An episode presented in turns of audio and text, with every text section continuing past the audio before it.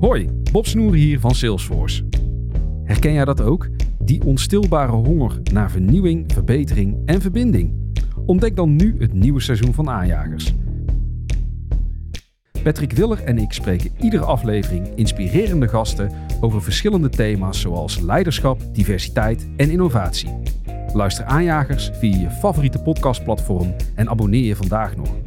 Aanjagers, de podcast voor mensen die durven te veranderen.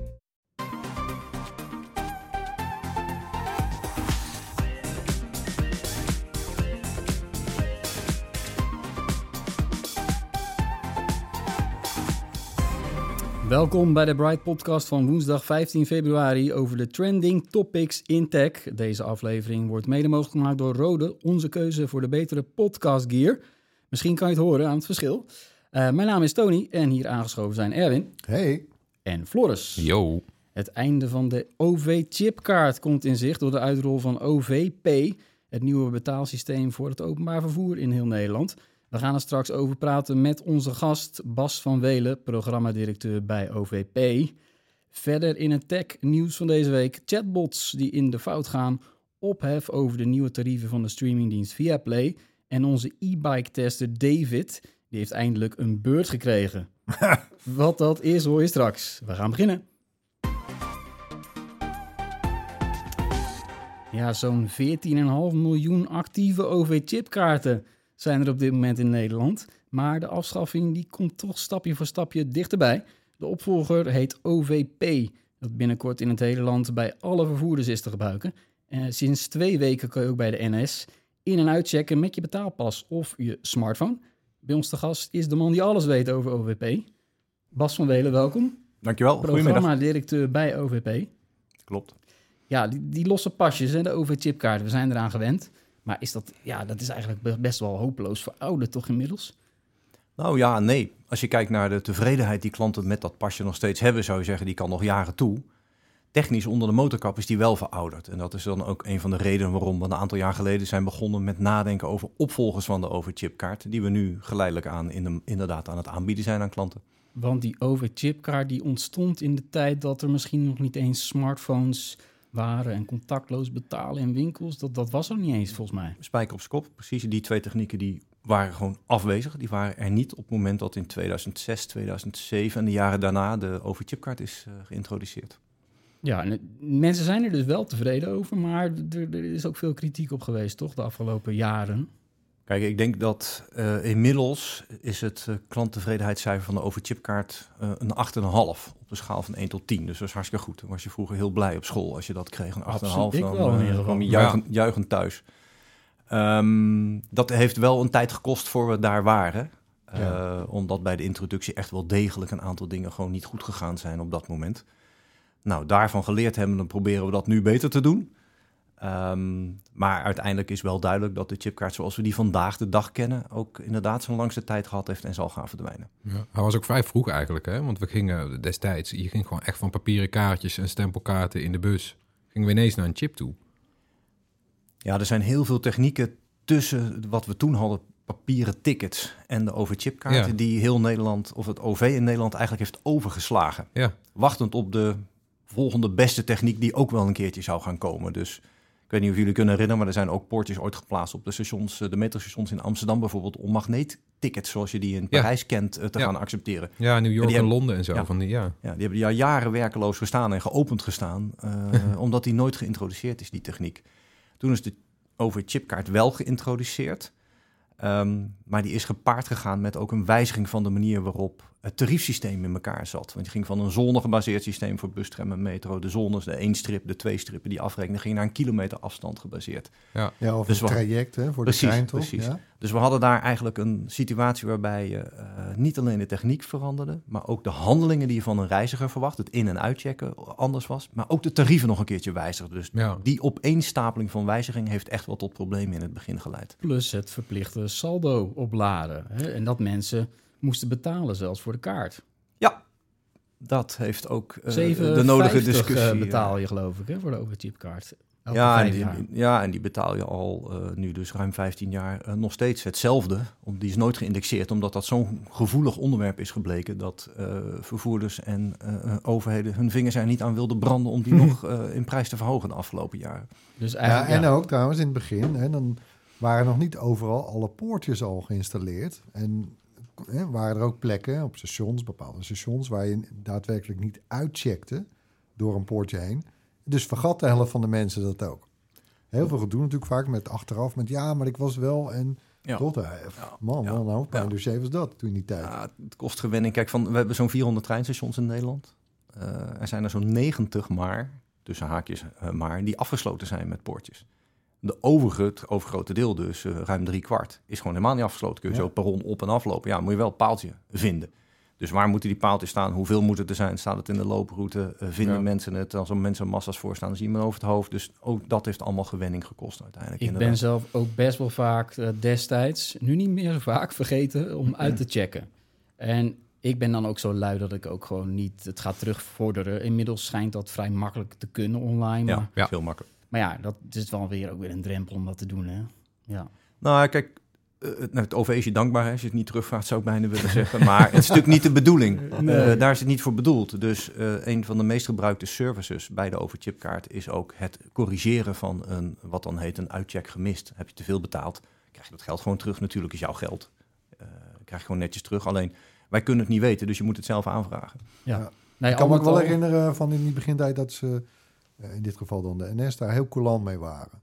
Uh, zo van, uh, ja, nou nee, is geen probleem. Want dan moest dat een soort nog met de hand bijna. En ze hadden wel al door van, ja, dit kan een potentieel uh, lastig punt worden voor mensen. Dus laten we daar gewoon heel relaxed over doen. Want, zo is het. Ja. Zo is het. Ja, het is eigenlijk wel knap dat, dat die 8,5 er nu is. Als je dit allemaal zo terug hoort. Want dat zijn nogal wel dingen waar mensen echt aan moesten wennen. ja. Maar ik begrijp het wel. Ook, ja, verouderd zijn. Hè? begrijp het wel, moet ik zeggen. Want in eerste instantie dacht ik ook, waarom moet je voor als je, weet je wel, met meerdere voertuigen reist. Dus je pakt de bus naar het station en dan pak je de trein. Waarom moet je in en uit en in en uit? Nou, inmiddels is dat gewend. Iedereen is dat gewend. Inmiddels heb je ook zo'n flex-abonnement bij de NS. Wat ook lekker is. Dan betaal je wel gewoon achteraf. Wordt het gewoon afgeschreven aan het eind van de maand. Uh, ja, ja, groot fan van. Ja, met, ik met die, helemaal, ja. Dat was mijn laatste grootste ergernis, was dat opladen. Ja, precies. En met die, uh, met, nou ja, met die stappen zijn we eigenlijk al uh, praktisch bij OVP gekomen, toch? Ja, een heel groot deel. Kijk, nog wel misschien vermeldenswaard is dat met de komst van de overchipkaart ook het ticketsysteem van de NS en het ticketsysteem van de bus, trams en metro toen bij de, in één keer geïntegreerd werden. Die had maar één pasje no nu maar nodig voor al het OV. Daarvoor had je altijd een ticket voor de NS nodig en je had een strippenkaart nodig of een ander soort uh, ticket. Dus uh, die integratie hebben we daar toen ook nog gerealiseerd. En dat is een heel groot goed, wat wereldwijd eigenlijk ook gewoon eigenlijk niet bestaat. Dat je voor al het OV in een land dezelfde pas kunt gebruiken. Ja, oké, okay, nee, ja, kudos, inderdaad. Ja, uh, ja, nu komt er dus uh, de opvolger, OVP. Uh, eh, een hoop mensen die hadden daar waarschijnlijk tot voor kort niet van gehoord. Nee. Totdat de NS twee, ruim twee weken geleden begon met dat nieuwe in- en uitchecken met, die, met de bankpas en de smartphone. Daar is echt veel aandacht voor geweest. Ja. ja, dat is een belangrijk moment toch voor, voor OVP geweest? Zeker. Um, en ik begrijp dat dat voor veel mensen op dat moment pas bekend uh, is geworden. Uh, we hebben ook heel bewust ervoor gezorgd, want het kan op heel veel plekken eerder dan dat moment, dan ja. bij de NS. Uh, kon het al. bussen, geloof ik. Hè? Ja. Nou, het kon al in, vanaf maart 2021 kon het bijvoorbeeld al in Lelystad. Dat is de eerste stap die we gezet hebben. En afgelopen jaar, en zeker afgelopen tweede halfjaar van 2022, is het in heel veel steden geïntroduceerd. Het is ook in Amsterdam eind november, begin december ja. geïntroduceerd. Dus daar kon het ook al. Alleen de NS is natuurlijk een nationale partij die het hele land aandoet. Dus we hebben er heel erg voor gezorgd dat we uh, de informatie passend laten zijn op de plek waar het relevant is, maar niet mensen elders te vermoeien met informatie waar ze niks aan hadden en die ook niet ging werken. Ja, maar dat ja. is natuurlijk voor bij de start van de NS. Um, dat was de achtste van negen vervoerders die we in Nederland hebben die daarmee starten. Ja. Um, was dat natuurlijk relevant om dat ook gewoon nationaal uh, verder uh, groots bekend te maken. Maar uh, Bas, even uh, wat is nou precies OVP? Wat zijn de verschillen met de overchipkaart? Wat zijn de voordelen? Geef even nog die introducties. Ja. Kijk, OVP um, is een merknaam. OVP is een merknaam, is een paraplu-merknaam uh, die meerdere nieuwe vormen van betalen voor het OV zal gaan uh, omvatten. omvatten, inderdaad, is denk ik het goede woord. Dankjewel. De, de eerste die we nu doen is betalen eh, door in en uit te checken met je betaalpas. Dat is eigenlijk de manier waarop je dat altijd gewend bent. Er komt ook nog een nieuwe overchipkaart aan voor mensen die hier niet mee geholpen zijn of die niet willen of dit niet prettig vinden. Eh, en we zijn ook nog bezig met het eh, maken van zogenaamde eh, interoperabele voor meerdere vervoerders geldige QR-codes. Zodat je ook als je een eenmalig ticket koopt of een combinatieticket van een bestemming met OV bijvoorbeeld, dat je die ook bij meerdere vervoerders kunt gebruiken. En er komt nog onder dezelfde paraplu aan wat nu heet, met een descriptie eh, eh, die we heel mooi vinden, dat heet treinreizen met GPS, waardoor je jezelf in en uit kunt swipen, letterlijk op je smartphone, waarmee je met GPS-locatiebepaling eh, uiteindelijk je eigen reis construeert en dus kunt betalen. Dus OVP is een merknaam met vier verschillende soorten manieren van betalen in het openbaar vervoer er straks onder.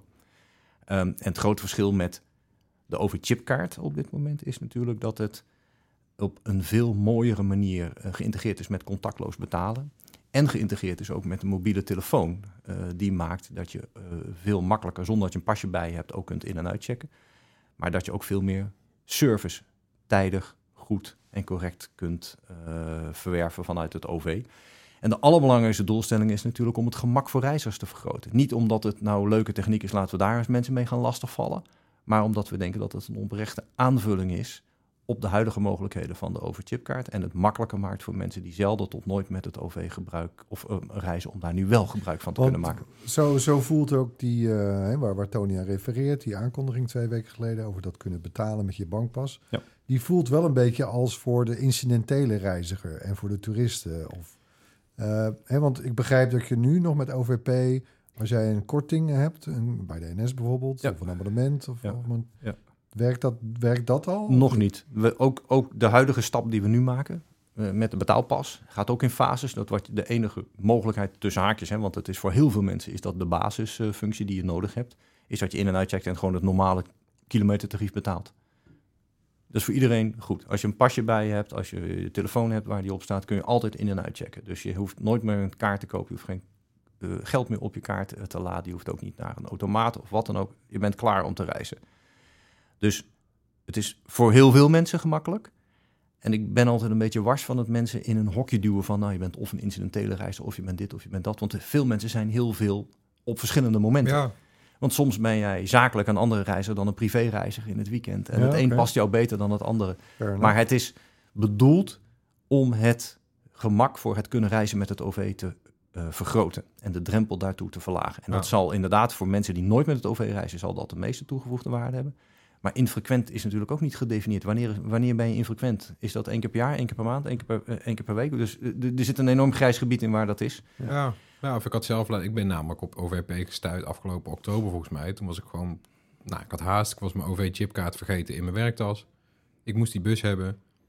En toen zag ik het staan. Oh, OVP. En ik had ervan gelezen. Dus ik Precies. denk, nou, ik probeer het gewoon met mijn Ja. telefoon. Ja. Ik had helemaal geen portemonnee bij. Ik gewoon Apple Pay tevoorschijn. Piep. Klaar. En het werkte. Zo is het. Ja, dat, dat is een mooi voorbeeld, want dit zijn niet alleen betaalpassen. eh, die betaalpas kan je tegenwoordig koppelen aan je, aan je smartphone, Precies. zowel bij Apple als eh, Google Wallet. Eh, Ja. ja. dat roept meteen natuurlijk ook de vraag op van, hey, eh, wat, wat kan ik allemaal met die telefoon gaan doen? Maar in principe is het dan gewoon, het werkt als, als bankpasje dan. Eh, de ritprijs wordt dan s'nachts afgeschreven van je rekening. Nee, wat, ja, wat er gebeurt, wat nu de situatie is met de overchipkaart is, die kaartlezer eh, hebben we zo intelligent gemaakt dat hij weet waar die is. Dat je ook weet welke tarieven die in rekening moet brengen. Dat je ook weet waar je ingestapt bent als je uitcheckt. Zodat hij kan uitrekenen wat er van je kaart moet worden afgeschreven. Letterlijk op de chip, op je kaart staat het bedrag dat afgeschreven wordt, wordt daarin gemuteerd en dan heb je een nieuwe status. Wat nu gebeurt, op een betaalpas eh, mag je geen informatie schrijven. Dus je kunt daar niks op bijhouden. Dat is precies de reden waarom je er geen geld op kunt zetten. Ehm, dat betekent dat we dus je in- en uit laten checken. Jou wel via een mobiele telefoon, als je dat wil, gewoon kunnen aangeven... joh, deze rit heeft zoveel gekost, want eh, de machine die dat uitrekent... rekent dat heel snel in de cloud voor je uit, kan dat aan jou teruggeven. Je kunt zien welke ritten je gemaakt hebt in de OVP-app. En we tellen de bedragen aan het eind van de dag op... en doen één keer een inning bij jouw bank s'nachts. Dat is wat er gebeurt. En een veelgehoorde vraag de afgelopen twee weken was dan ook... wat als ik nou geen geld op mijn bankrekening heb staan, als ik rood sta? Ja, dan komen wij daar s'nachts achter. En dan zullen Oh, wij... achteraf pas dus. Wij komen daar s'nachts achter.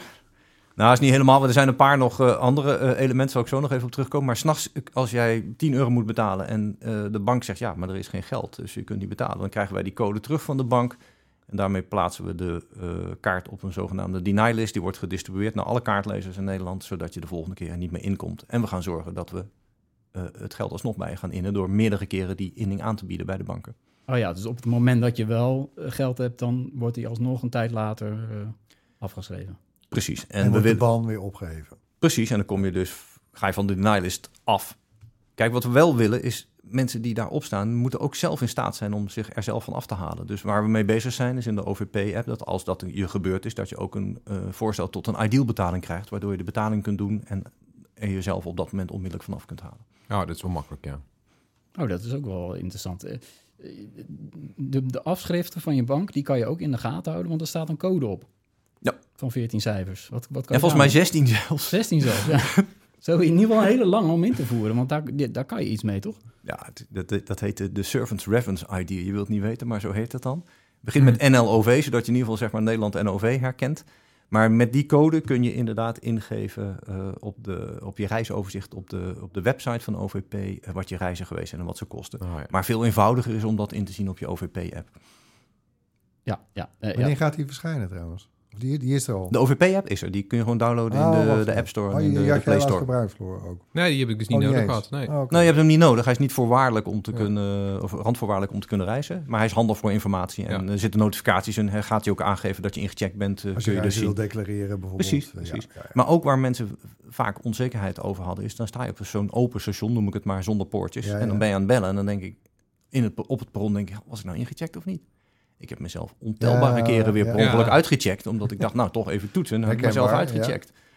Maar in die app kun je dus krijg je Ja. gewoon de notificatie, nou je bent ingecheckt. Ja, ik heb bij de NS zo'n ding aanstaan dat ik op mijn horloge een notificatie krijg als ik uitgecheckt ben. Zodat ik inderdaad dat probleem niet heb. Dan kan ik gewoon even terugkijken. Precies, oh, ja, nee, Precies, goed gedaan. Het gaat wel, eh, wel snel met de uitrol nu, hè? want ik heb op het kaartje gekeken. Dat kunnen mensen ook zelf checken op de site van OVP, Ja. waar dat allemaal actief is. Ja. Ehm, je kan volgens mij je vertreklocatie, die kan je intypen. Ja. En dan krijg je te zien wat werkt op die plek met eh, OVP. Nou, het is echt een, een stukje, stukje Friesland en een stukje Limburg. Wanneer is het eigenlijk gewoon helemaal eh, landelijk dekkend? Planning is nu einde eerste kwartaal, dus eind maart zou het landelijk dekkend moeten Zo. zijn. Ja, dat is wel eh, voorspoedig, toch? Ja, nou ja waar, waar, waar we ook op zitten te wachten is dat het ook werkt met je abonnementen en met kortingen en dergelijke. Daar, is daar ook al van bekend wanneer dat gaat Ja, dat, dat gaat stapsgewijs. Kortingsproducten eh, die zullen wel aan de betaalpas gekort, gekoppeld kunnen worden. Eh, dat betekent als je een dalkorting bijvoorbeeld koopt, eh, je Ja. hebt 40% korting in een dal, dan betaal je niet 100% maar 60%. Nou, dat soort producten die kun je aan je betaalpas koppelen straks in een account. Het is een account-based systeem, zo heet dat dan ook technisch. Ehm, abonnementen die maken dat je bijvoorbeeld een heel afgekocht traject hebt tussen eh, Amsterdam en Den Bosch, dat je elke dag doet. Dat betaal je vooraf. Ja, dat kan niet aan een betaalpas, want dat leidt niet tot een betaling. Dus in het betaalsysteem van de banken dat wij gebruiken, het EMW-systeem, is dat geen betaling. Dus die en, kunnen... ja, en dus- wat je zegt, je kan niks op die pas schrijven. Dus nee, jullie nee. kunnen niet aan die bankpas zien, Nee. eh, ik heb een abonnement. nou we zouden het nog wel kunnen zien, dan moeten we dat echt gaan ontwikkelen. Maar het Aha. leidt niet tot een transactie die tot een precies. betaling leidt. Dus Ja, op dit dat- moment zijn wij nog in overleg met de banken van onder welke voorwaarden dat wel zouden kunnen. Ja, Want ja. je, je ziet zelf dan al ontstaan dat die OV eh, eh, of de betaalpas in het OV eigenlijk alleen maar een identificatiemiddel aan het worden is en geen betaalmiddel. Ja. Nou, Hm. En dat zal ook dus voor mensen zoals eh, jullie, hoorde ik net, eh, die gebruik maken van NS Flex. Ja, die zullen niet aan die betaalpas gekoppeld worden op dit moment. Ja, ja, ja. Dus Ja, daar moet nog wel een hele slag Dus gemaakt nog niet worden. meteen weggooien, die huidige overchipkaart. Nou, er komt een opvolger, want de- die techniek die achter die overchipkaart zit op dit moment, dat is die, die, die MyFair Classic technologie, eh, die daar al jaren voor gebruikt wordt, eh, al decennia zelfs, ja, die komt wel een keertje in de neergangsfase van zijn levenscyclus.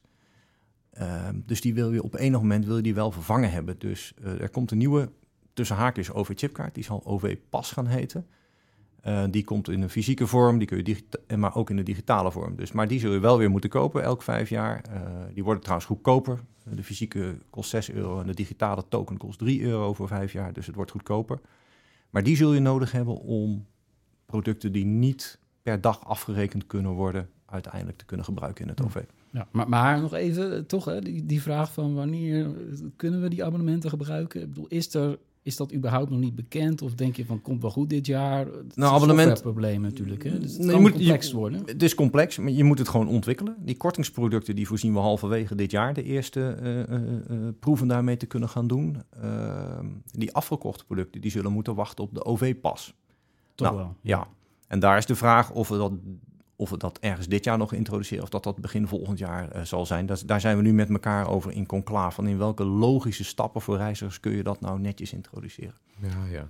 Waar ook veel mensen, denk ik, jullie eh, vragen over hebben gesteld, is wanneer eh, gaan jullie een systeem van Apple eh, invoeren? Want in sommige landen eh, werken de iPhone en de Apple Watch al als een zogeheten Express Transit kaart. Ja.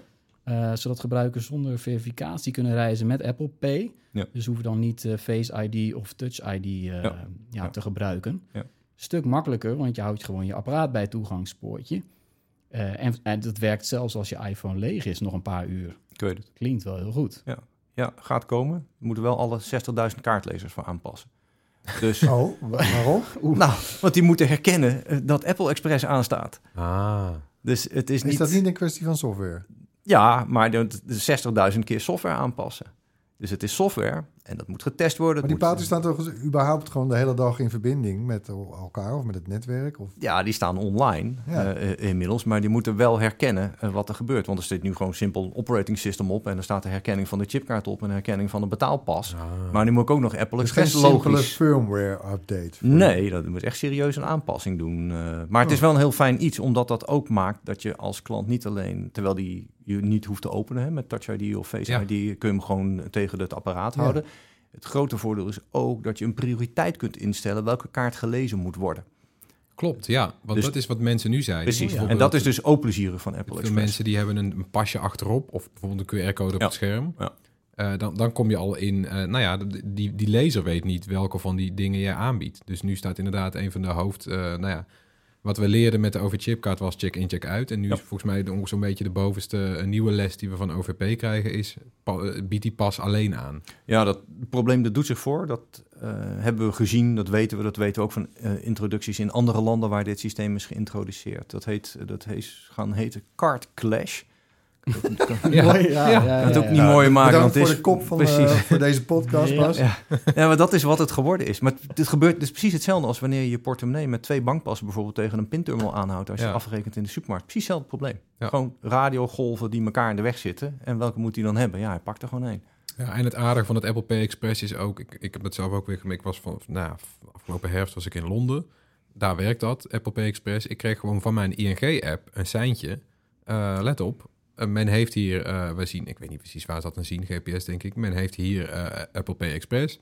Kies even in de ING-app welke kaart jij daarvoor wil gebruiken. Nou, precies. piep. En voor de rest hoef je inderdaad, die Ja. hoef je gezicht niet meer te scannen. Je kan gewoon je, nou ja, Precies. in mijn geval horloge, Ja. zonder je mouw op te stropen of zo, kan je voor die scanner houden en je loopt zo die metro in. Ja, dat is wel zeker voor toeristen ook. Ja, want dus even het verschil met OVP is bij OVP kun je als jij je bankpas op je Apple Watch, eh, Floris, Ja. hè, hebt staan, eh, kun je ook aan, hè, betalen, maar dan moet je even Die moet je even oproepen. ontgrendelen Ja. eigenlijk. Ja, Dus het is ook een on- ontzettend een luxe probleem. een en bij de. Express hoeft dat niet. Je houdt hem Nee. alleen ervoor en Precies, ja. Dit is de, ik denk, ja, de meest laagdrempelige manier denkbaar. Gewoon, je moet je telefoon bij hebben, maakt niet eens uit of je opgeladen is. En dan kom je, dan kom je dat OV in. Correct.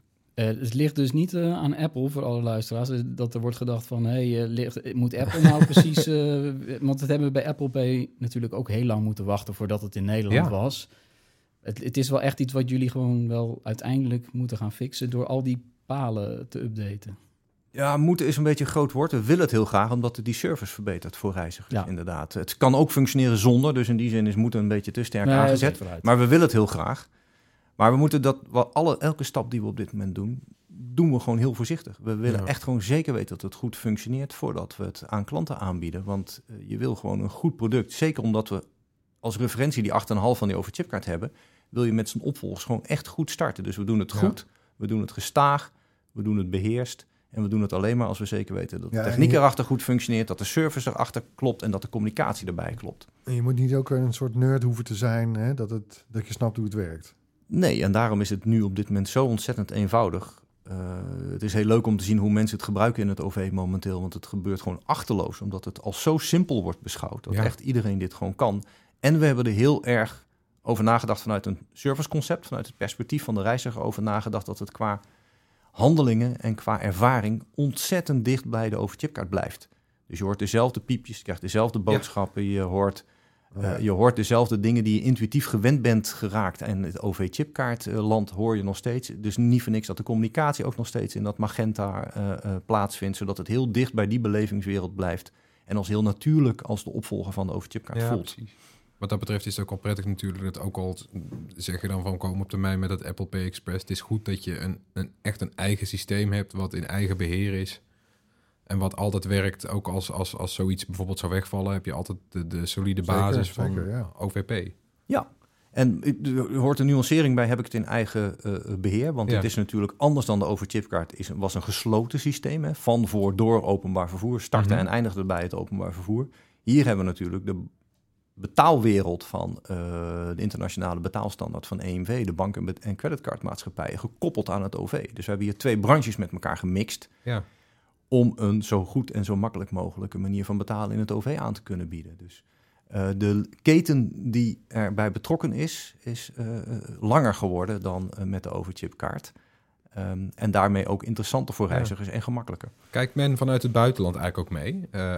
Want dit is, dit- voor ons is het heel simpel, overal het hele land inchecken. Maar het is eigenlijk, ik kan me voorstellen vanuit het buitenland te denken, wat een, wat een systeem eigenlijk.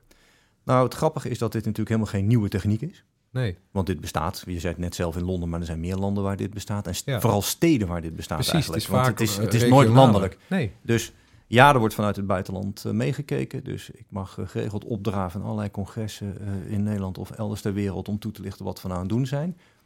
En een les voor mijzelf daarbij is niet zozeer hoe de techniek werkt, want die is eigenlijk als bekend bij mensen waar je dan mee te maken hebt. Maar wel de manier waarop we het met elkaar georganiseerd hebben in Nederland. Dat je met Het alle. OV-bedrijven, met alle opdrachtgevers in het OV, hè, dat is een concurrerende wereld eh, Ja. eh, waar provincies een rol in hebben, grote steden, het ministerie. Dat je met elkaar, met banken ook nog, in staat bent om het te kunnen laten functioneren op de manier zoals het nu functioneert. Dat is wat in het buitenland als Het heel polder- bijzonder wordt Tony, beschouwd. Het poldermodel van het openbaar vervoer. Ja. Het is ons grootste exportproduct. Ja, ik eigenlijk. eh Ja, polder me de hele dag inderdaad. eh, eh, Suf. suf, ja. Maar ja, waar, waar ik dan zelf ook wel naar benieuwd ben, is die, eh, die update van de OVP-app. eh, waarbij je dan kan swipen. hè? Wat je net zei, dat je via GPS wordt Ja. gevolgd. Ja. Dat, dat, dat komt dan in de toekomst. En Nee, dat die is, is natuurlijk iets wat heel veel vragen gaat oproepen. Ja, die is er. Hij is er. Dat heet treinreizen met GPS. We hebben dat, dat is eigenlijk een soort werknaam. Maar dat is een, ehm, een eerste proeven om te kijken hoe we voor treinreizen, niet meer dan dat in eerste instantie, hoe we het mogelijk kunnen maken eh, waarbij we kunnen voorkomen dat reizigers moeten uitchecken bij de ene vervoerder en inchecken bij de andere vervoerder op een perron als je overstapt van de ene naar de andere vervoerder. Ja. Dat, is- dat is eigenlijk het naarste steentje in de schoen dat is blijven zitten bij de introductie van de overchipkaart. Ah, ja. Daar Vind ik wen- ook, ja. daar wentelen we eigenlijk het probleem van het Hmm. systeem af op de reiziger. Zo voelt dat en zo voelen vervoerders dat, zo voelen reizigers dat. En dat wil je eigenlijk oplossen. Nou, hoe doe je dat nou? Daar hebben we eh, aan gewerkt. Die oplossing is er. Die hebben we gepilot. Eh, die hebben met NS en Arriva gepilot afgelopen jaar. Die gaat nu, Arriva gaat die voortzetten. Maar dat betekent dat jij een, een speciale app krijgt... waarbij jij toestemming geeft aan eh, de vervoerders om jouw GPS-locatie één keer in de zoveel minuten te peilen. Ja. Zodat jij gewoon jezelf kunt inswipen, letterlijk, voordat je een poortje passeert. Als je een poortje tegenkomt, dan, eh, dan krijg je een QR-code, kun je het poortje alsnog openen. En je zelf weer uitswipet op het moment dat je de, eh, het station van bestemming hebt bereikt, ongeacht met wie je hebt gereisd. Dan reconstrueren wij met hele grote slimmigheid eh, eh, achter de schermen van hé, hey, maar als je dit gedaan hebt, dan heb je met deze vervoerders gereisd. Dan zijn dit de kosten voor jou en dat betekent dat vervoerder A dit deel van jouw opbrengst krijgt en de vervoerder B krijgt het andere deel van de omzet. Dat is een complex ding. GPS-locatie is gewoon niet eh, zuiver genoeg om daar je alleen op te kunnen eh, laten leunen. Dus je hebt allerlei data uit die telefoon nodig, motion data en bewegingsdata. Hmm. Want loop jij nou op het perron of zit jij in de langzaam optrekkende trein op het perron? Of was je nou ja, aan het fietsen daar? Wat ben je aan het doen daar? Ben je, was je nou iets aan het... Nou, het is best complex om dat gewoon goed te doen voor een reiziger.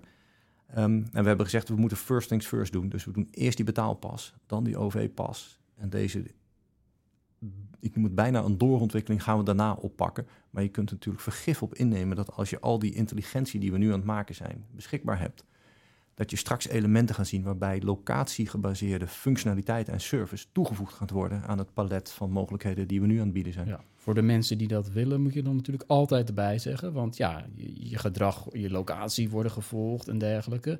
Eh, die privacy blijft natuurlijk wel een ding, ook eh, in het nieuwe systeem. Eh, anoniem reizen, dat, dat kan nu met een anonieme OV-chipkaart. Ehm, straks kan dat ook nog steeds met Ja. die nieuwe Ja, OV-pas. ja. ja ik, ik geef er altijd een beetje de flauwe nuancering bij. Anoniem reizen is onmogelijk. Kan gewoon niet in Nederland. Je bent altijd zichtbaar. Je staat altijd op een camera in een bus, Ja. een tram, een metro Ja, of een trein. Dus anoniem reizen is niet wat wij kunnen bieden. De suggestie en de illusie wil ik ook gewoon niet wekken. Waar we wel toe in staat zijn, en dat is waar we eh, het niveau van de overchipkaart gewoon willen halen, niet beter en niet slechter, is dat je eh, anoniem kunt betalen. Klinkt als een nuancering, ik wil het niet, niet moeilijker maken dan het is, maar dat kunnen we wel doen. En dat betekent dus dat de, eh, de nieuwe OV-chipkaart, die OV-pas heet, ook een variant zal krijgen die niet aan een persoon gekoppeld is. Zodat je gewoon zonder dat wij weten wie jij bent, gewoon kunt in- en uitchecken en betalen met het OV nog steeds. Ja, ja. Zeker. Dat is dus En dat is een eis van consumentenorganisaties terecht. Vervoerders willen dat ook graag. Er zijn reizigers die dat per se willen. Er zijn ook reizigers die niet per se anoniem willen reizen, maar wel ervoor willen zorgen dat die kaart die ze dan hebben, dat die door meerdere mensen gebruikt kan worden op Ja. verschillende momenten. Dus ook die doelgroep wil je heel graag bedienen met een dergelijke mogelijkheid. En daarnaast komen natuurlijk uiteindelijk misschien zelfs een nieuw soort abonnementen. Eh, dat, dat heeft de reizigersvereniging Rover ook eh, voorza- voorzien. Hè? Ja. Die hebben Ja. eh, ook hun mening natuurlijk uitgebreid gegeven over het nieuwe systeem. Ja. Een van die punten die ze aanvoerden is... Ja, komt er misschien straks een abonnement dat zo flexibel is... eh, dat de, de ritprijs gaat dalen als je meer per maand reist. Het klinkt ook wel als iets apart. Ja, dat komt. Kijk, ik moet zeggen, de consumentenorganisaties en Rover als exponent daarvan, die werken heel fijn mee in dit programma. Die zijn natuurlijk niet verantwoordelijk voor wat wij doen, maar we werken heel nauw met ze samen, zodat we de dingen die wij bedenken ook met ze toetsen. Eh, dat geldt ook voor blinde en slechtziende organisaties. Hoe werkt dit nou voor jullie? Want we willen het vanaf dag één gewoon goed doen. Ehm, maar het feit dat wij pas de tarieven berekenen voor jouw reis die je gemaakt hebt na afloop van jouw reis, en Ja. niet dat paaltje dat heel snel moeten laten doen, maakt dat we nieuwe mogelijkheden eh, gaan krijgen. Ah. En daar komen dus bij mogelijkheden als, dat heet dan in jargon even dag, week en maandcapping, zodat je nooit meer betaalt dan een bepaald plafond. Stel je kunt in Rotterdam per dag, eh, je kunt zoveel reizen als je wilt, maar bij de RIT in Rotterdam kan het nooit meer dan 8 euro zijn. En je zou voor 10 euro gereisd hebben, dan wordt er maar 8 euro bij jou in rekening gebracht. Dus dat kan. En die kun je ook per week en per maand, die kun je natuurlijk met Mhm. vervoerders koppelen. Je kunt daar allerlei varianten je zomaar eh, eh, bij bedenken. En waar we ook naar aan het kijken zijn, en dat is waar jij misschien op doelt, dat heet de zogenaamde staffelkorting. Dat hoe meer je reist, eigenlijk een, de, de additionele kilometers steeds goedkoper worden die Ja, afneemt. Ik zag het staan. Ik denk, ja, ook goed bedacht. Ja, Ja. Die, die gaat ook komen. Lijkt me ook niet makkelijk om in te voeren. En dat geldt voor een hele hoop dingen waar jullie nog aan moeten werken. Nee, maar het is helemaal- dit is überhaupt niet, niet, niet makkelijk. Nee, dit is echt complex wat hier gebeurt. Het is ongelooflijk complex, omdat er zoveel verschillende eh, situaties voor kunnen doen, dat je dat allemaal moet voorzien en goed moet doen. Hoop Mijn- spelers mijn- aan tafel. Hoop spelers aan tafel. Maar mijn ultieme doel is om ervoor te zorgen dat alles wat heel moeilijk is, aan reizigers uiteindelijk heel makkelijk aangeboden kan gaan worden. Dat je geen zorgen hoeft te maken over die intelligentie en die techniek die erachter zit, maar dat het voor jou intuïtief heel plezierig en makkelijk functioneert. Lijkt mij een hele mooie belofte. De allerlaatste vraag dan. Wanneer is het echt afgelopen met de OV-chipkaart zoals we nu kennen? Ja, dat is een hele moeilijke vraag. Want het zijn precies zoals jij zei in je introductie, het zijn ruim 14 miljoen actieve kaarten. Dus hoe sneller en hoe beter wij zijn om ervoor te zorgen dat eh, het in- en uitchecken met je betaalpas eh, grootschalig wordt geadopteerd eh, door reizigers en de nieuwe OV-pas komt, hoe sneller we dat zouden kunnen doen en zullen kunnen doen. Ons streven is om ervoor te zorgen dat dat eind volgend jaar of ergens het jaar daarna, maar eind volgend jaar zou eigenlijk het doel zijn. Maar het moet wel, en dat heb ik voortdurend herhaald in allerlei media ook, we doen dat alleen maar als het goed kan. We kunnen niet een half-af systeem als alternatief aanbieden terwijl je het bestaande systeem afbouwt. Dus we zullen daar heel erg op letten van hoe ver zijn we met eh, de nieuwe systemen. Wat is nog een restvraagstuk voor het bestaande eh, probleem, welke, of bestaande systeem, welke problemen en risico's eh, zijn daar nog te overzien? En hoe gaan we daar keurig netjes met reizigers mee om? Want we willen geen enkele reiziger in het OV missen. Integendeel, we hebben nog heel veel extra nodig. En dan moeten we ze niet afschrikken door nieuwe vormen die problemen opleveren. Nee, dus de harde datum, die weten we gewoon op dit moment nog niet. Maar het zou zo eind 2024 kunnen zijn. Nee, maar ik ben daar ook heel eerlijk in, omdat heel veel van dit programma is gewoon innovatief. Het is gewoon innovatie. Dus het zou een verkeerde veronderstelling zijn als wij de potentie zouden hebben, of ik hier de potentie zou hebben, dat te zeggen dat wij exact en detail alles weten wat wij nog moeten doen. Wij leren door dingen te doen. Wij weten echt heel goed waar we het over hebben. Maar we komen ook dingen tegen die tijd zullen blijken nodig te hebben, die we nu nog niet voorzien hebben. We gaan het, eh, we gaan het volgen de komende tijd. Dankjewel, Bas van Welen, programmadirecteur bij OVP. Graag gedaan, dank je. Tijd voor het hoorspel, zoals elke week. Dit was het geluid van de vorige week. Tja, ja, we hoorden een geluid uit de game Hogwarts Legacy. En wel het geluid eh, als je met de spreuk Revelio iets onzichtbaars zichtbaar maakt. Dat wist, ja, dat is geraden, want dat wist Ja. eh, Patrick Klokgieters. Het klink- klinkt bijna als een soort Harry Potter naam. Mooi hè? Ja, vond ik ook. Mooi, echt een mooie naam. Gefeliciteerd Patrick. Het eh, Bright T-shirt komt je kant op. Eh, ben je benieuwd wat wij vinden van die game Hogwarts Legacy? Lees dan onze review, want Floris heeft hem uitgebreid gespeeld. En de link vind je in de show notes. En dat betekent dus ook weer een nieuw geluid. Daar komt ie. Als je denkt te weten wat dit geluid is, stuur dan je antwoord naar podcast.bright.nl. Onder de mensen die het juiste antwoord insturen, verloten we dat gewilde Bright T-shirt. Tijd voor eh, een rondje kort technieuws. Streamingdienst Viaplay had eind december 1,2 miljoen Nederlandse abonnees. Daarmee kreeg de dienst er in het laatste kwartaal van vorig jaar zo'n 200.000 nieuwe Nederlandse abonnees bij. Ondanks het einde van het Formule 1 seizoen en ondanks dat WK voetbal in Qatar. Eh, ja, dat is toch nog weer een, een- groei voor Viaplay. Eh, maar de grote vraag is of het zo blijft, want er komt een prijsverhoging aan. De Nederlandse abonnees eh, op de streamingdienst betalen vanaf 1 maart geen 14 euro per maand, maar 16 euro per maand. De topman van Viaplay die denkt dat de meeste mensen wel abonnee zullen blijven, zei hij. Vanwege de Formule 1 en de Premier League, voetbalcompetitie natuurlijk. Ja, als je content interessant genoeg is, blijven mensen abonnee, ondanks prijsverhogingen. En eh, met sportrechten staan we sterk. Dat, dat zei hij in een toelichting gisteren. Ja, ja, 16 euro per maand. Nou, ik keek even op, eh, op Facebook, eh, waar opvallend veel mensen hadden gereageerd op ons bericht daar. En man, nou, eh, die, eh daar lusten de honden Dat- geen, geen brood voor. Hoor, Daar zat denk ik geen enkele positieve iedereen eh, riep daar van de daken, of schreeuwde van de daken eigenlijk, dat ze gingen opzeggen. Nou, is dat misschien niet altijd één op één, misschien ook echt te vertalen naar werkelijk gedrag in de, in de, Nee, maar ik denk de dat heel wereld, maar... toch mensen misschien toch gaan kijken van kunnen we accounts delen of zo. Want dit is toch wel, ja, dit zijn ook prijzen joh. Nou ja, en dan ook te bedenken dat alle diensten worden... Hè, want als jij dus en Netflix hebt en Viaplay en eh, noem maar op, een Disney+. Ja. Plus, ja, eh, al die prijzen gaan omhoog, hè? Ja, dan ben je ineens... Het houdt een keer ja, op. Ja, en dan ben je ineens 100 euro per jaar meer kwijt aan die ongein. In plaats van dat je denkt, nou weet je, het is, het is, een, het is een eurotje hier en een eurotje daar. Ja, maar als je het op gaat tellen, al die eurotjes. Ja, nou zijn er al eh, best wel veel klachten geweest vorig jaar over Viaplay. En er waren wel vaker mensen die zeiden nadat er een stream haperde, ik zeg op. En toch hebben ze weer die groei genoteerd. Ja, want waar hebben ze die dan vandaan gehaald? Ik vind het ook wel weer knap op de een of andere manier. dat is Ik gewoon dat er veel 20% kritiek is. groei, hè?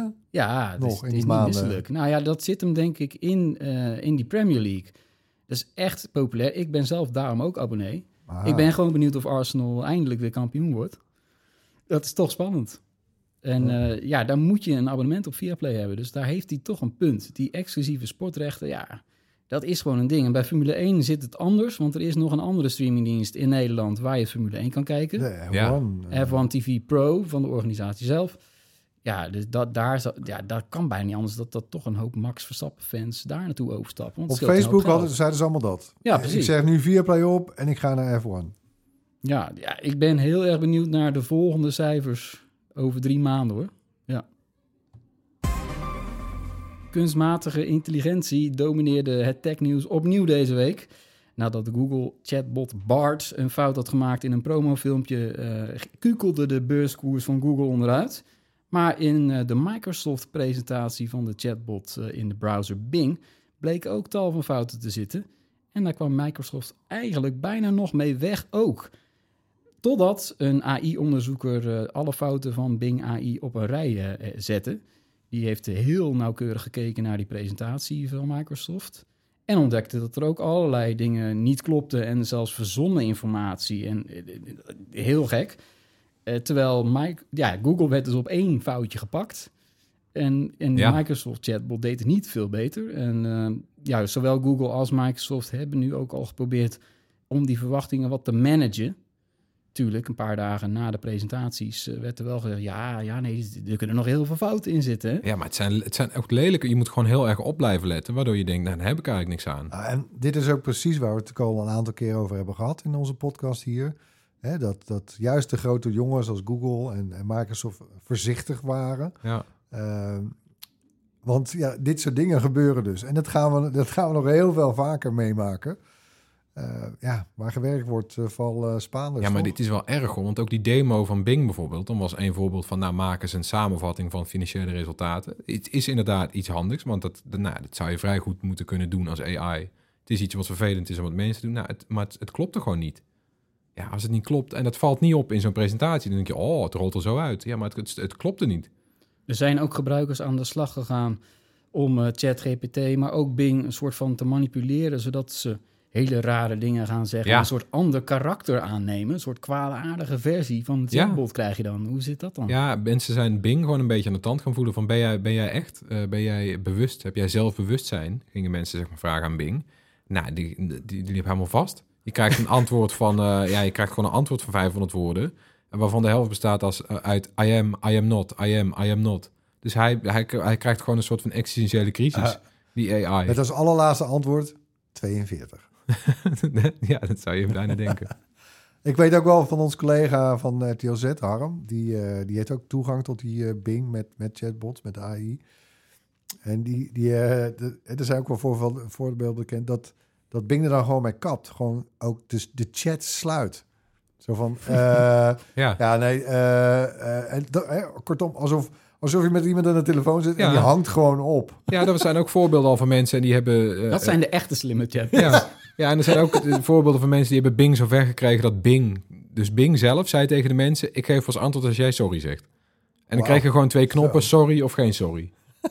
Echt waar. Dit is gewoon, er zijn screenshots van, van mensen die moesten gewoon sorry zeggen tegen In Bing. plaats van een antwoord komt hij met een knop. Kan Ja. het ook? Oh, nee. Hij heeft dit wel bond gemaakt waarschijnlijk. Ja, ik, het is heel vreemd. En ook eh Vint Cerf, eh, een Ja. van de grondleggers van het internet. ja, Die is dat inmiddels... is ook heel eh, kritisch, ja. de vader kritisch. van het wereldwijde web. Ja, die, ja. Ja. die staat ook echt... Die Met heeft, Tim eh, Berners-Lee samen dan, hè? Maar Maar hij heeft echt de, de onderliggende technologie die ze eerst bij DARPA hebben gebruikt en zo, om, om echt computers aan elkaar te linken. Nou, Ja, dat ja. heeft hij ontwikkeld. Hij is inmiddels eh, een soort van adviseur bij Google. En hij heeft tegen een hoop investeerders gezegd, het- het is nou aan jullie om fatsoenlijk te doen. Spring hier niet met z'n allen op. We weten inmiddels dat er fouten worden gemaakt. Eh, we weten dat het veelbelovend is, maar het is er eigenlijk nog niet. Wees eerlijk tegen jezelf en geef toe, het is er nog niet. En ga er niet allemaal geld in pompen met alle ellende. Van die, nou ja, hij is niet de minste. David die test regelmatig nieuwe elektrische fietsen voor ons. En in eh, de nieuwste video was het de beurt aan de Bird. Ja, het Engelse woord voor vogel dus. Zo heet die fiets. De Bird is een e-bike die verdacht veel lijkt op de bekende e-bikes van Van Moof. Maar ja, er zitten wel verschillen in, eh, David. Eh, maar toch, hè, als je niet goed kijkt, is het gewoon een soort Van Moof-kloon. Ja, op het eerste gezicht. Is echt... In mijn video leg ik het ook uit. Als je op een afstand staat en je komt bij de supermarkt en je ziet een bird staan en een van Moof, dan zou je ze eh, misschien even niet uit elkaar halen. Maar ga je inzoomen, dan, dan zie je toch dat het een hele andere fietsen zijn. En mag dat trouwens gewoon zo'n ontwerp min of meer nadoen? Oeh, daar vraag je me wat. eh, ja, dat zijn copyright issues, maar ik, ik weet niet eh, hoe ze er bij Van precies over nadenken. Maar ik, ik neem aan dat ze er niet gecharmeerd van zijn geweest eh, toen ze dat voor het eerst zagen. Nee, maar dit lijkt mij toch inderdaad. Ja, dit, dit is zo kenmerkend voor Vermoof. Hè? Dat ontwerp dat, van dat frame, dat zit in al hun modellen. Ook voordat ze elektrische fietsen maken al.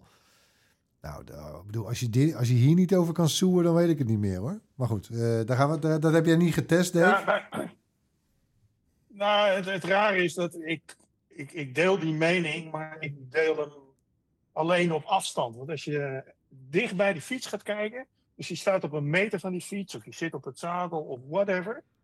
Dan vind je het in één keer geen Van Moof meer. Helemaal niet zelfs. Oh, Oké. Dat is zo'n rare gewaarwording. Kijk, het kenmerk van die Van Moof is die dikke bovenbuis. Maar dan vooral dat eh, de bovenbuis eh, aan beide einden uitsteekt. Dat daar lampen in zitten. En nog kenmerkender is die verticale buis waar het zadel bij een eh, fiets erin gaat. Bij de Van Moof steekt die buis niet boven die bovenbuis uit. Ze hebben een interne klem. En dat is het meest kenmerkende en dat is het meest opvallend.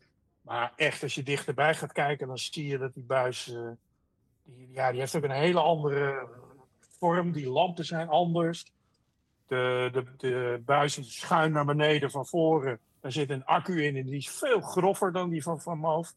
Dus En- op en afstand, ja, maar dichtbij, nee. Hè, die accu is ook uitneembaar. Ja. Ja, dat is ook een. En ga je dan nog verder kijken. Hè, de- dus een, een Van Moof die heeft een voorwielmotor. De Bird heeft een achterwielmotor. Eh, de Van Moof heeft een achternaaf met ingebouwde versnellingen die je niet, verder niet kan zien. Deze heeft derailleurversnellingen. Eh, Ja, nou, En dan die uitneembare accu. Van Moof heeft een ingebouwde accu. En dan is het gewoon echt een hele andere fiets. Dus ondanks de looks eh, zit die eigenlijk ook in een totaal andere prijsklasse. Want die Bird is gewoon een stuk goedkoper als die van Moof. Ja, zeker. De, de Bird kost, eh, wat was het ook alweer? Eh, zes- zeg ik het nou goed? 1799, toch? Ja, ja 1799. Eh, en Van Moof, eh, de, huidige modellen, die zitten rond de 3000 euro. Ja, Dus dat is een enorm prijsverschil. En dat, ja, dat zie je er ook wel aan af hoor. De, de details zijn gewoon minder mooi afgewerkt. Eh, Van Moof als heeft ook veel meer eh, elektronica. Hè? Snap je nou wel trouwens, Dave? Hè? Want het- dit is een e-bike waar eh, een deel van ons publiek echt al maanden om schreeuwt. Van wanneer gaat David nou de beurt testen? Eh, waar, waar komt dat vandaan, denk je? Zit hem dat dan nog vooral... Hè? Is het bijna een soort poor man's Van Moof? Hè? Want het ziet eruit als een Van Moof, maar het ja, kost nou, bijna de helft. Eh, is dat denk ik de, een reden van zijn populariteit? Of? Ja, dat denk ik, dat denk ik zeker. Het Ja. is gewoon die, eh, die look. Ik zit nu gewoon, terwijl wij zitten te praten, de hele tijd naar hun webpagina te kijken. En dan zie je die plaatjes. Ja, dan denk je, ja, dat is gewoon een Van Moof, eh, zoals die eruit ziet. Dus dat zal, eh, ja, het zal het jongere publiek aanspreken. Het is een eh, betaalbare fiets die toch een hippe look heeft. Eh, dus ik denk dat dat de voornaamste reden is. Belangrijk in jouw e-bike test is natuurlijk de, de trapondersteuning. Hè? Dan ben ik toch benieuwd eh, of ze, ja, hoe ze dat doen. Want het verschilt nogal per, per e-bike. Hoe is dat bij de Bird? Eh, nou, die is op zich redelijk goed. Zeker gezien de, rotatiesensor setup. Oftewel, daar, daar hoor je mij altijd al maar over praten. Rotatiesensor betekent heel vaak bij die fatbikes zie je dat heel goed. Dat, eh, zodra je ook maar die trappers beweegt, dan gaat hij gewoon hup naar de 25 km per uur. Voelt niet natuurlijk. En bij de Bird, eh, in de lagere ondersteuningsstanden, vond ik hem eh, best wel natuurlijk fietsen. Op één uitzondering na. Dus als je normaal aan het fietsen bent in standje 1 of 2, ja, dan, dan kun je ook nog eh, ja, wat langzamer fietsen. Meestal kan het niet bij een rotatiesensor. Dan gaat hij gewoon langzaam door naar de 25. Maar dat kon hierbij wel. Wat ik wel raar vond, is als je bijvoorbeeld bij een stoplicht staat. En er staat een meute fietsers voor je. Stoplicht gaat op groen. De hele meute trekt op. Jij begint te trappen, maar die meute is niet snel genoeg. En dan hou je je trapper stil. En dan blijft die ondersteuning nog na-eilen. Zo'n anderhalf seconde blijft die nog ondersteunen. En Dat, dat, dat, dat vond ik dan wat minder. Maar ja, dat, heb ik ook wel, dat merken we vaker op andere fietsen ook. Nou, eh, al met al is dit in die prijsklasse, ja, is het een aanrader. Ik geloof dat we dit keer ook eh, ja, als nieuwe feature eh, voor het eerst in onze e-bikes video's eh, een score gaan uitdelen. Wat, wat scoort deze?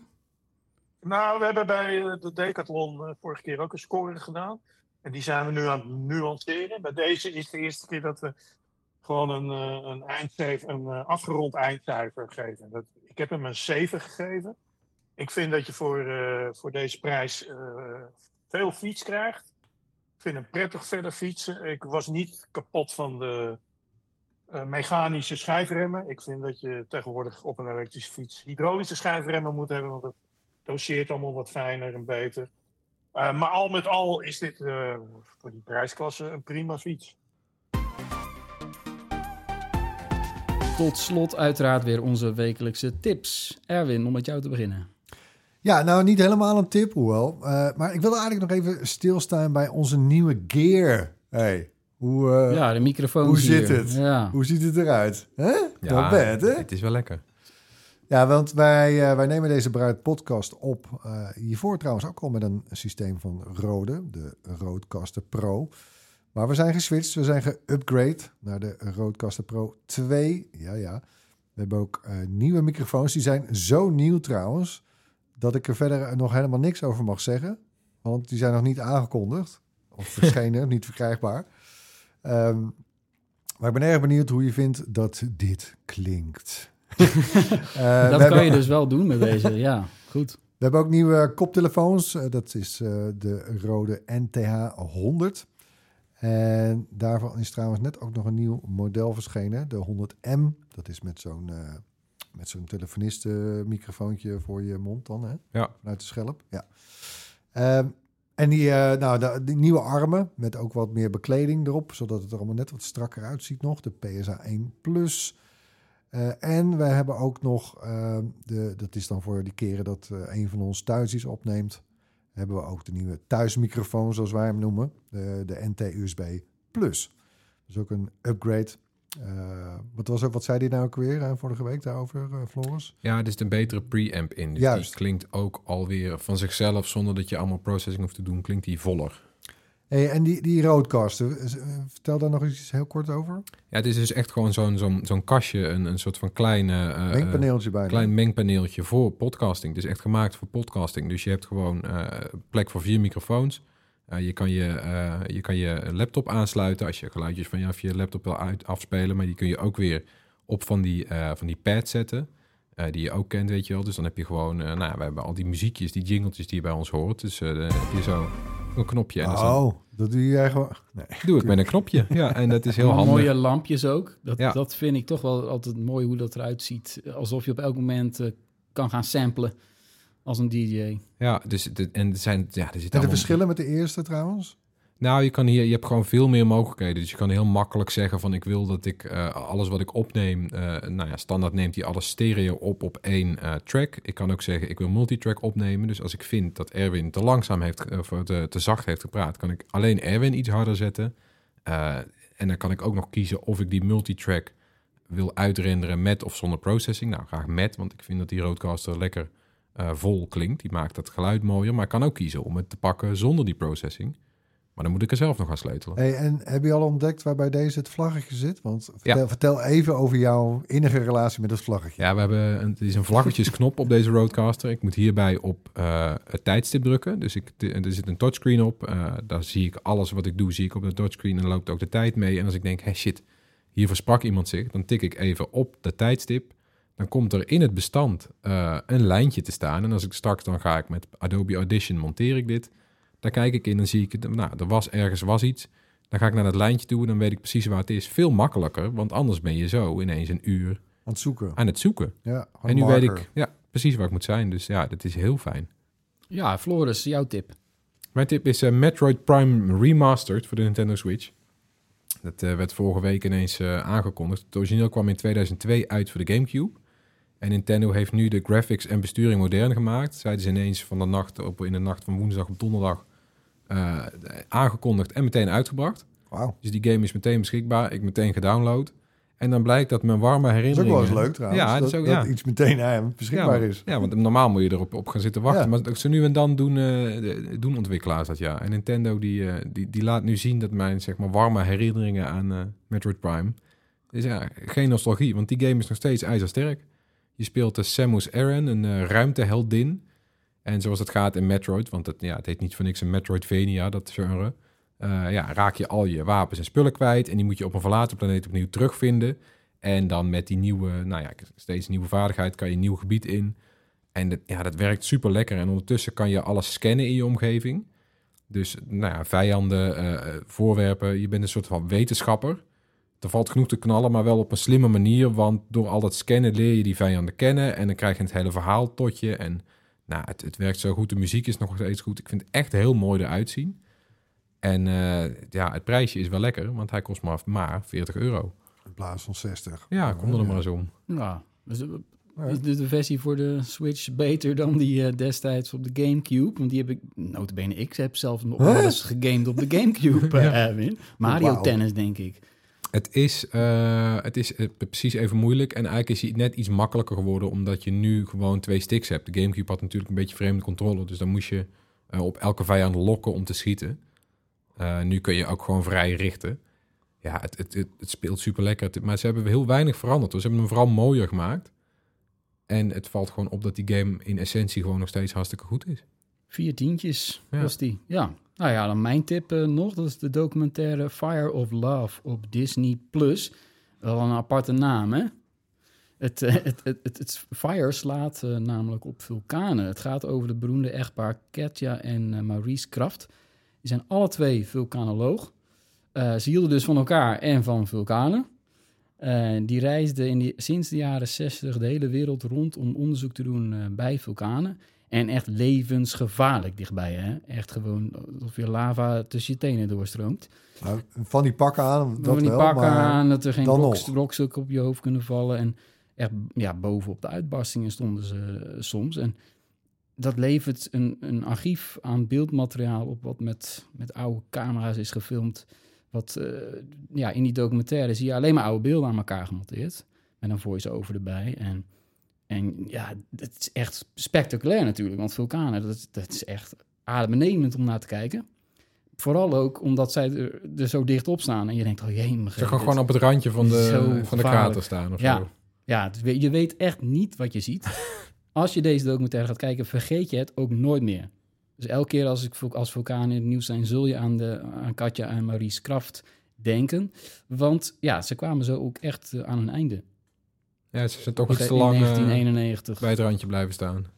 Ja, daar, dat, daar ga ik zo niet zoveel over te vertellen. Maar ja, je ziet daar je ziet ook de laatste beelden van hen en dergelijke. En niet toen het gebeurde, dat niet. Nee, Dus, maar... eh, maar je weet wel van, nou ja, een paar minuten later was het zover. Eh, voor iedereen die van vulkaan houdt, is het sowieso natuurlijk een must-see. Maar ja, het is eigenlijk zo, dat, dat materiaal is zo mooi geschoten ook. Het waren ook echt wel filmmakers tegelijkertijd. Het waren niet alleen wetenschappers. En sommige beelden zijn ontzettend grappig en, en, en lief en schattig. En dan vervolgens, want dan zie je met- elkaar praten en zo. Het zat echt wel humor. Ja, En dan ga je weer naar een close-up van een vulkaan. En jemig, wat zijn het echt, echt overweldigend eh, bloedstollend allemaal. Hè? Ja, oh. een, eh, een docu die staat op Disney+. Plus. Bedankt weer voor het luisteren. Laat gerust iets van je horen. Mail ons op podcast.bright.nl. Misschien heb je toch nog een vraag over OVP. het kan allemaal. ja. Gaan we achteraan dan. Hè? Dus eh, ja, je kan ook een DM droppen op een van onze socials. Tot volgende week. Doei. Bye.